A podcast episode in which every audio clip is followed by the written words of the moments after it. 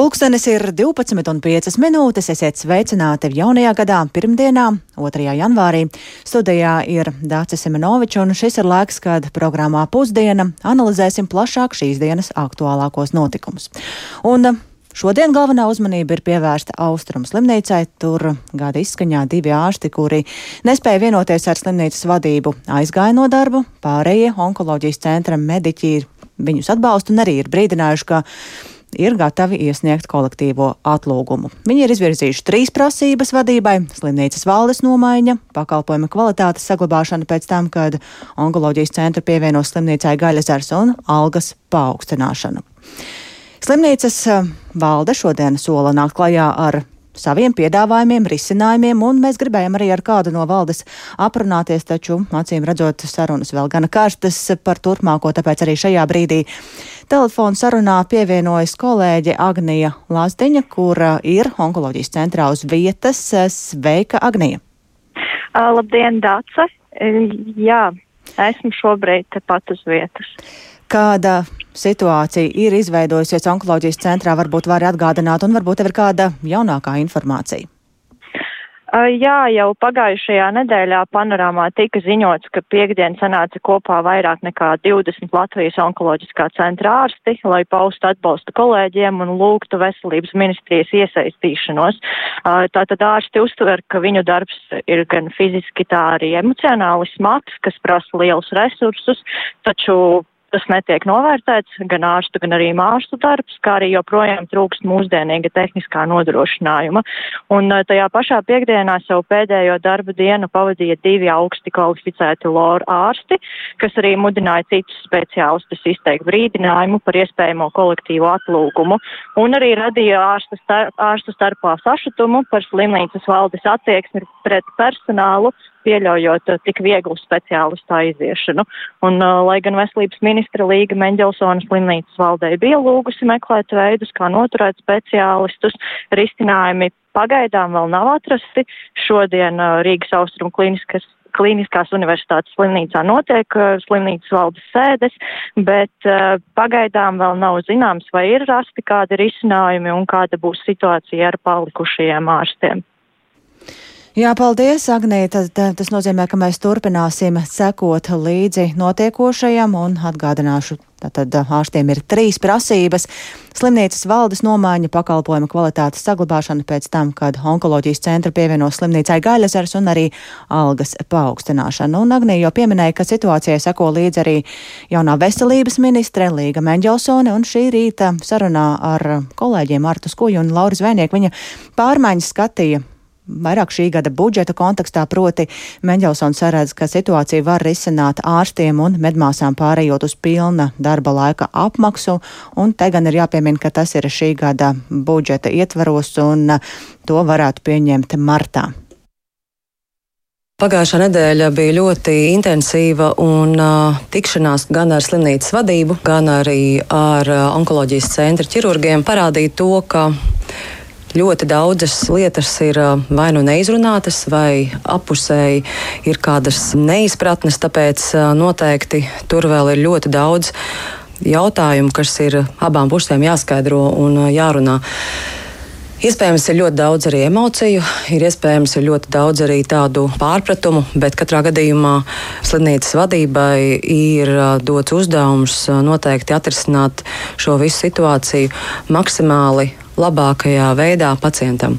Kas nozīmē droši vien arī naudas meklējumus. Nu, ko slimnīcas vadība šobrīd var darīt, zinot, ka līdz šim tas uzstādījums ir bijis strādāt, lai nebūtu zaudējumu. Zaudējumu nebija, bet izskatās, ka zaudēti būs mediķi un līdz ar to arī pacientiem aprūpas kvalitāte. Jā, tieši tā, un tāpēc arī šajās dienās um, iedziļinoties un saprotot, kādā veidā tiek uh, vispār finansēta veselības aprūpe un uh, īpaši kādā veidā veidojas mūsu galveno slimnīcu budžeti un attiecīgi tad arī atalgojumi, tad, protams, tur ir ārkārtīgi daudz vietas, lai to uzlabotu. Un es arī saprotu, ka slimnīcas vadība tā uz rītdienu neko nedrīkst um, solīt. Tas būtu ļoti, ļoti bezatbildīgi, tāpēc uh, tā ir no tāda kopējā mūsu veselības aprūpes uh, problēma, kad gadiem ir uh, veidota sistēma, kas, manuprāt, arī nav nemaz tāda labvēlīga ārstiem, tāpēc ka katra manipulācija ir jāatraksta, katra manipulācija ir jāpieņem jāpiefiksē, tas tomēr, manuprāt, ļoti daudz atņem laika ārstiem ārstēt. Līdz ar to, ko jūs šajā sakarā varat darīt šobrīd? Tieši šajās dienās, arī pa sestdienu, svētdienu, norit darbs pie nākamā vai šī gada jau valsts budžeta. Tāpēc, protams, ka tas ir arī tas galvenais jautājums, ar ko tieši ministrija iet pie valdības, lai mēs mainītu faktiski arī šo atalgojumu modeli, kuru es redzu kā normālu, pilna laika apmaksas modeli, kas, protams, ir, ir liela pārmaiņa, bet tā ir pārmaiņa tieši ārstiem, mediķiem par labu.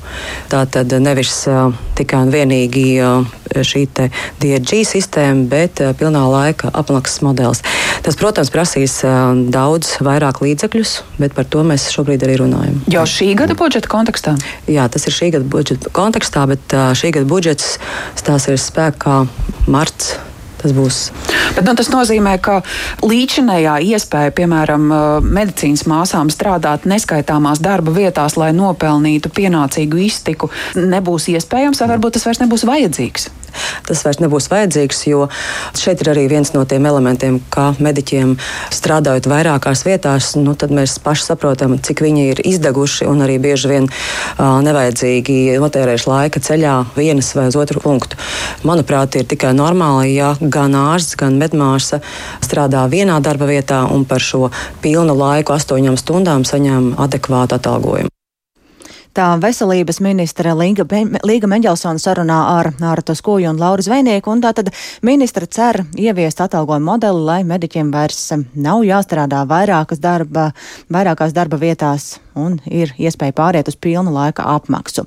Tas varētu būt kā tāds ilgtermiņa risinājums šai situācijai un iespējams ne tikai šai, bet um, šajā brīdī mums ir iespēja pavaicāt viedokli, ko par to saka arī viena no mediķu arotbiedrībām, proti pie klausules um, ir Latvijas veselības un sociālās aprūpas darbinieku arotbiedrības priekšsēdētājs Valdis Kēris. Labdien! Labdien! Ko jūs sakāt par šādu piedāvājumu vai arotbiedrību apmierina šīs veselības ministrijas piedāvājums, un vai tas eh, tiešām varētu nozīmēt, ka mediķiem nav jāstrādā vairākās darba vietās? Var just, ka veselības ministra Mendelsons kundze vēl tā īsti neorientējas nozars procesos, un tāpēc arī nevar šobrīd atrast labāko risinājumu. Labākais risinājums ir gauži vienkāršs ir atbilstoši tam, ko valdība mediķiem jau ir iepriekšējos gados rakstiski solījusi, jāpalielina darba samaksai domātais finansējums budžetā un šīs darba samaksas sadalas sistēma, kas pašlaik jau darbojās, ir pietiekami sīka reglamentēta, lai nodrošinātu darba samaksas pieaugumu pie nosacījuma, ka tiek iedalīti vajadzīgie līdzekļi. Nevelti mēs jau pagājušā gada izskaņā vērsāmies pie ministras kundzes ar lūgumu steidzam satikties, lai šos jautājumus pārunātu un nekavējoties sākt arī situāciju risināt. Žēl, ka ministrs kundze joprojām mūsu arotbiedrības uzaicinājumam nav atsaukusies. Vai tas nozīmē, ka ar situāciju sistēmu viss ir kārtībā, vienkārši trūkst naudas? Lielos vilcienos, jā, vienmēr ir ne, iespējami kaut kāda neliela uzlabojuma, jo Rīga nekad nav gatava un neviena sistēma nekad nav pilnībā gatava. Bet strateģisku pārkārtojumu darba samaksas sistēmā šī brīdī uh, vajadzība izdarīt nav. Uh, arī jauno darba samaksas modeli mēs uh, esam pietiekami daudz un pamatot kritizējuši. Tikai viens fakts uh, - šī gada 20. oktobrī, pēc tam, kad modelis jau tā kā bija izmisīgi vēl vecās valdības svaigi apstiprināts, uh, sanāksmē, kurā piedalījās vairāk nekā 20 dalībnieki stundas laikā, nevienam tad īsti arī nebija skaidrs ne to, kas ir jāievieš, nekā ir jāievieš jauno modeli. Nu, ko es te vairs daudz varu pateikt ilustrācijai. Jā, un tas nozīmē, ka vienkārši mums ir vajadzīgs vairāk naudas, tas būs arī ieguvums eh, pacientiem un, um, jā, tātad veselības. Pilnīgi noteikti, pilnīgi noteikti, jo bez kvalificēta personāla nedarbosies neviena arī pat modernākā tehnoloģija. Tas ir tieši ieguldījums pacientu drošības un pacientu interešu aizsardzībā. Jums taisnība. Jā, paldies. Tāds bija veselības aprūpas darbinieku arotbiedrības priekšsēdētāja Valda Kera viedoklis. Mēs turpmākajās programmās skaidrosim arī pašu onkologu un citu arotbiedrību viedokli.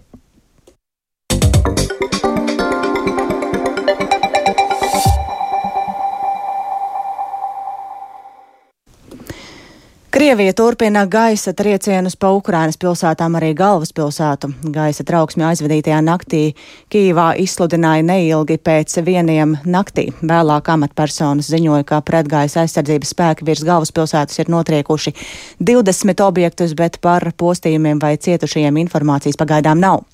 Dažas stundas iepriekš gaisa trauksme tika izsludināta arī Zaporižē, Donetskā, Hersonā un arī citās pilsētās. Taču jau uz šo gadu raugāmies plašāk, tad 2023. gadam ir jābūt Ukrainas uzvaras gadam. Šādi apgalvojumi nevienu reizi ir izskanējuši gan no Ukrainas prezidenta Volodimira Zelenska un arī no citu Ukrāņu amatpersonu puses. Kā karš attīstīsies un vai tiešām ir gaidāmas tā beigas, tur viedokļi atšķiras. Uģis Lībietis ir apkopojis viedokļus par to, kādi notikumi varētu gaidīt Ukrainu šajā 2023. gadā. 2023. gads Ukrainā sācies ar kārtējiem Krievijas dronu un raķešu uzlidojumiem, un lai arī kopumā kaujas aktivitātes frontē ziemas laikā it kā liekas pieklusušas, vairums ekspertu prognozē, ka pavasarī varētu būt gaidāma jauna Krievijas militārā ofensīva. Netrūkst arī to, kuri uzskata, ka pirmie uzbrukumā varētu doties Ukraiņi. Taču viens ir skaidrs - karš nekur nepazudīs. Kā uzskata atvaļinātais amerikāņu pulkvedis Cedriks Leitons, arī Krievijas prezidenta Vladimira Putina jaunā gada uzruna ir apliecinājusi, ka viņš turpinās virzīt nepatieso narratīvu, ka Krievija aizstāvs un ka labākais veids, kā aizstāvēt Krievijas neatkarību, ir iznīcināt draudus ārpus tās robežām, šajā gadījumā Ukrainā. Un tieši tāpēc, pēc viņu vārdiem, Krievijas aktivitāte karlaukā vismaz kādu laiku nemazināsies you will see more attacks on the civilian infrastructure, unfortunately. Diemžēl mēs redzēsim vairāk uzbrukumu civilajai infrastruktūrai. Mēs varam gaidīt Krievijas spēku virzīšanos dziļāk Donbasa teritorijā, tajos rajonos, pār kuriem viņi ir vai nu zaudējuši kontroli, vai arī līdz šim nav nostiprinājuši pilnīgu kontroli. Taču Ukraiņiem ir zināmas priekšrocības, piemēram, spējas efektīvāk izmantot piegādes ķēdes. Jāsaka, ka Krieviem pašlaik ir ļoti nopietnas grūtības nevarēs sasniegt savus kara mērķus, tāpēc Putins mēģinās raustīt pēc iespējas vairāk ietekmes sviru, lai sliktākajā gadījumā panāktu šī kara iesaldēšanu. Cerams, ka viņam tas neizdosies, taču tāds varētu būt viens no viņa mērķiem. Iepriekšējā gadā pieredzētais Krievijas armijas vājais sniegums kaujas laukā, jau izsludinātā sākotnējā mobilizācija un arī runas par nākamo mobilizācijas vilni liek uzdot jautājumus par Krievijas spēju uzturēt uzbrukuma intensitāti un to kvalitāti. Iespējams, tieši tāpēc bijušais ASV spēku komandieris Eiropā Bens Hodžes pauž pārliecību, ka jau līdz vasaras beigām Ukraina varētu atgūt arī Krīmu. Tik ilgi, kamēr rietumi turēsies kopā un izpildīs visu, ko ir solījuši, kā arī saglabās sankcijas, šis konflikts nepārvērtīsies par tiešu sadursmi starp Krieviju un NATO. Galvenais ir turēties kopā. Mans vērtējums ir tāds: Ukraina būs atbrīvojusi Krīmu līdz vasaras beigām 2023. gada augustam. Rietumu, īpaši jau NATO un Eiropas Savienības vienotība atbalstot Ukrainu, ir bijis viens no lielākajiem pērnā gada pozitīvajiem pārsteigumiem. Taču pieaugot nogurumam no šī kara un arī ievērojami patukšojoties bruņojumu noliktavām, atkal izskan aicinājumi rīkot sarunas ar Krieviju. ANO ģenerālsekretārs Antoniju Guķerišs gan ir izteicies, ka tās tuvākajā laikā ir maz ticamas. Ukrainas izvirzītās prasības ir bijušas ļoti skaidras un nelokāmas, un nav noslēpums, ka Krievija tām nepiekrīt. Tāpēc arī Ukraiņu armijas konversijas un atbruņošanās pētniecības centra pārstāvis Mihailo Samušs ir pārliecināts, ka nekādām sarunām starp Zelenski un Putinu arī šogad nebūs jēgas. Про Можуть бути ці переговори. Переговори можуть бути лише par ko varētu būt šādas sarunas. Šīs sarunas var būt tikai par vienu par to, ka Krievijas spēki pilnībā pametīs Ukrainas teritoriju, ieskaitot Krimu, par reparāciju izmaksu un kara noziedznieku saukšanu pie atbildības. Bet tā kā arī Putins ir kara noziedznieks, sarunas ar viņu, manuprāt, nebūtu pareizas. Absolūti nepravilnīgi sprāvi. Rietumos lielas cerības tiek liktas uz to, ka ieviestās sankcijas atstās ar vien lielāku ietekmi uz Krievijas ekonomiku un Maskavai zudīs iespējas pienācīgi finansēt kara darbību. Tāpat ir cerības, ka līdzīgi kā kara sākumā, Krievijas sabiedrībā beidzot varētu pastiprināties neapmierinātība ar karu un prasības to izbeigt.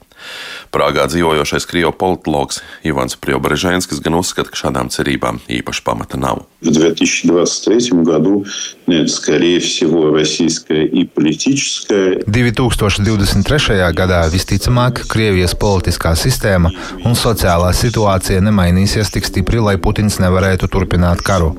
Tas pats attiecas arī uz ekonomiku. Jā, tā ievērojami tiek īsināta, tā cieš no sankcijām, tā kļūst vājāka, bet šis gads Putinam vēl ir pilnībā garantēts. Protams, ir arī sabiedrības spiediens, uz kuru Krievijas politiķi nedrīkst nereaģēt. Arī sabiedrībā ir jūtams zināms nogurums, taču neliekas, ka tas būtu tik liels, lai pilsoņi pieprasītu politiķiem pārtraukt atbalstīt šo karu. Ivans Priobreženskis arī ir pārliecināts, ka iespējams pats svarīgākais priekšnoteikums, lai kara darbība tiktu pārtraukta, ir vai nu Vladimira Putina nāve vai viņa pazušana no prezidenta posteņa. Taču arī ar to nebūs pietiekami, lai karu izbeigtu, jo tam būtu nepieciešama arī vismaz kaut kāda pašreizējā politiskā režīma maiņa Krievijā, par ko gan politologam ir šaubas. Rezumējot, jāsaka, ka Ukrainas kara turpmākā attīstība ir atkarīga no ļoti daudziem nezināmajiem, taču vismaz līdzšinējā gaita uz pozitīvu iznākumu Ukraiņiem liek skatīties optimistiski. Jautājums, vai tiešām jau 2023. gadā? Uģis Lībijams, Latvijas Radio.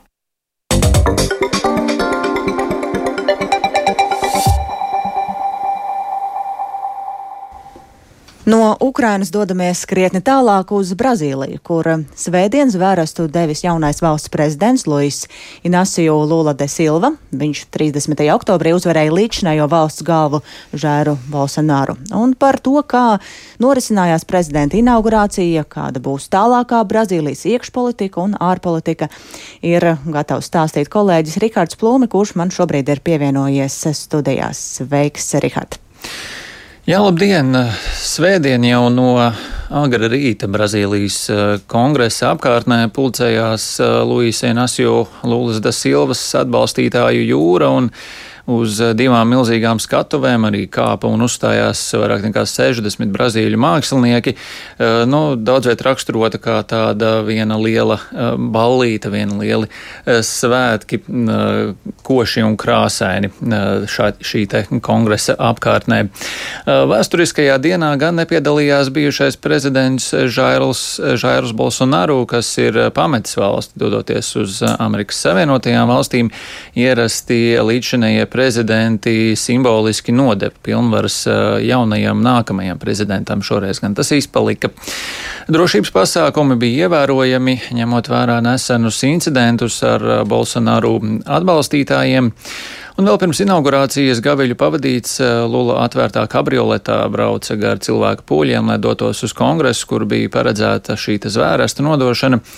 Un eh, kreisā spārna politiķis, 77 gadus vecais eksprezidents, savā runā kongresā lielu uzmanību pievērsa valsts vienotībai un arī rekonstrukcijai. Eh, tādējādi cenšoties iedvest tautā cerības sajūtu, ka šobrīd Covid-19 pandēmijas ļoti ska smagi skartajā un arī ļoti politiski polarizētajā valstī ir eh, nepieciešama. Viņš arī nevērījās kritizēt priekšgājēja Bolsonaru politiku. Paklausīsimies viņa teikto. Pela terceira vez, compareço a este Congresso Nacional. Trešo reizi es ierodos šajā Nacionālajā kongresā, lai pateiktos Brazīlijas tautai par uzticības balsojumu, ko mēs saņēmām. Šajās vēlēšanās lielā uzvarētāja bija demokrātija, pārvarot visu laiku lielāko publisko un privāto resursu mobilizāciju, vardarbīgākos draudus tautas brīvībai, visnopietnāko melu un naida kampaņu, manipulācijas un centienus apkaunot Brazīlijas elektorātu. Nekad valsts līdzekļi nav tik ļoti izniekoti par labu autoritāram varas projektam. Publiskā iekārta nekad nav bijusi tik tālu no republikas kontroles. Vēlētājus nekad nav tik ļoti ierobežojusi ekonomiskā vara un rūpnieciskā mērogā izplatīti meli. Neskatoties uz visu, vēlēšanu iecirkņos dominēja balss, pateicoties vēlēšanu sistēmai, kas ir starptautiski atzīta par savu efektivitāti balsu skaitīšanā. Lai dzīvo demokrātija, lai dzīvo Brazīlijas tauta. Lielas paldies, kompanjoni! Viva a democracia! Viva o povo brasileiro! Muito obrigado, companheiros! Jā, nu kāda tad solās būt jaunā prezidenta politika gan pašmājās, gan arī ārpus Brazīlijas robežām? Jā, nu par iekšpolitiku runājot, skaidrs, ka smags darbs būs sabiedrības saliedēšana, jo krietna daļa joprojām uzskata, ka Lula ir korumpēts politiķis, jo viņš iepriekš arī eh, sēdējis cietumā. Viņš arī solījis atcelt pretrunīgos ieroču likumus, kas ieviesti Bolsonaru laikā, arī solījis labot līdzšanējo praksi, kad izglītības eh, un eh, veselības sektoram nauda nav tikusi atvēlēta. Viņš arī solīja strādāt, lai cīnītos ar ekonomikas lejupslīdi un pieaugošo nabadzību Brazīlijā. Daudz ir ticis runāts arī par Brazīlijas klimata politiku un Amazonas lietus mežiem, un klimata jomā Lula centīsies izpildīt solījumu līdz 2030. gadam Amazonē sasniegt um, tā saukto nulles mežu izciršanu. Pamatiedzīvotāju tiesību neievērošana arī ir bijusi uzmanības centrā Bolsonaro valdības laikā, un uh, valstī ir izplatīts rasisms, arī tādēļ simboliski, ka pēc inaugurācijas publikas priekšā blakus jaunajam prezidentam stāvēja arī pamatiedzīvotāju līderis un arī afroamerikāņu izcelsmes uh, zēns. Uh, tiek minēts, ka 51% brazīliešu vismaz pašlaik domā, ka Lula paveiks labāku darbu amatā nekā to ir paveicis līdz šim Bolsonaru. Par ārpolitiku runājot, analītiķi norāda, ka Lula atgriezīs Brazīliju uz multilaterālisma ceļa, gaidāma lielāka iesaiste starptautiskajās organizācijās.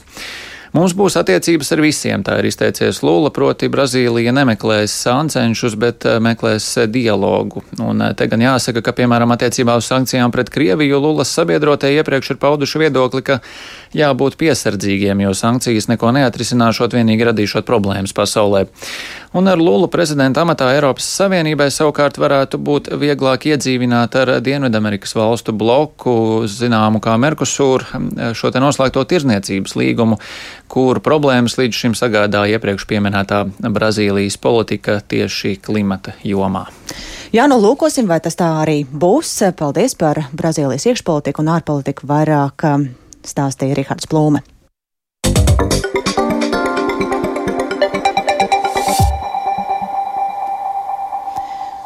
Un vēl pievēršamies pašmāju notikumiem. Latvijas upēs turpina kāpt ūdens līmenis. Daudz vietas strauji un arī iet ledus. Tā liecina Latvijas vidas geoloģijas un meteoroloģijas centra informācija, un arī hidrologi daudz viet ir izplatījuši dzelteno brīdinājumu saistībā ar ledus iešanu un palienu aplūšanu. Tāpēc šajā brīdī esam sazinājušies ar uh, Latgales studijas korespondenti Lauru Ieviņu. Sveika, Laura! Labdien! Jā, es saprotu, ka tu šobrīd atrodies Daugopilī pie Daugavas. Kāda tur situācija? Jā, es šobrīd esmu vienā no Daugavpils mikrorajoniem, Mešciemā, un stāvu tieši Daugavas upes krastā. Nu, man ir jāsaka to, ka vērojot Daugavu, tā šobrīd izskatās ļoti mierīga. Uh, ledus ir uh, šorīt izkustējies, uh, bet nav vērojami tādi ledus sastrēgumi. Ledus ir mazi ledus gabaliņi, bet viņi plūst lēnām un upe ir mierīga. Ja runāju, parunājot ar vietējiem iedzīvotājiem, viņi arī šobrīd tādas bažas neredz. Uh, un uh, par situāciju nesatraucas, un palienas pagaidām arī uh, ap Daugopili nav applūdušas. Uh, man stāstīja, ka šobrīd no rīta uh, ūdens līmenis Daugavā esot bijis 3,6 metri virs nulles uh, atzīmes. Uh, tad tagad jau uz doto brīdi tas ir uh, pār pusmetru krities, un uh, tāpēc nu, tāda kritiska situācija nav vērojama, un arī iedzīvotājiem nav jāsatraucas. Tas, ko man pastāstīja uh, Daugopils komunālās pārvaldes tehniskais direktors, tad uh, kritiskā situācija iestājas tad, ja Daugo, Daugavā ūdens līmenis palielinās virs 5 metru atzīmes. Tad viņi arī uh, aiztaisas lūžas uh, vietējā mazajā upītē, kas ietek Daugavā. Un uh, tāpat, lai novērstu plūdu draudus, uh, viņi pagājušajā gadā ir uh, nodevuši eksploatācijā jaunu aizsargdambi. Tas tā kā arī mazinās šo te plūdu plūdu draudus. Jā, bet pagaidām situācija uh, ir uh, mierīga. Uh, to, ko man teica hidroloģe Līga Klīns, uh, tad Jā. tā kritiskākā situācija īstenībā varētu būt uh, uh, pie pļaviņām, pļaviņu ūdenskrātuvē, jo ledus strauji šonakt esot sācis iet uh, aiz Jēkabpils. Jā, paldies! Ar to arī izskan ziņu dienas veidotā programma Pusdiena. Producents Kārlis Dagils ierakstus montē Renāša Šteimanis par labskaņu rūpējās Katrīna Bramberga un studijā Dācis Simenoviča.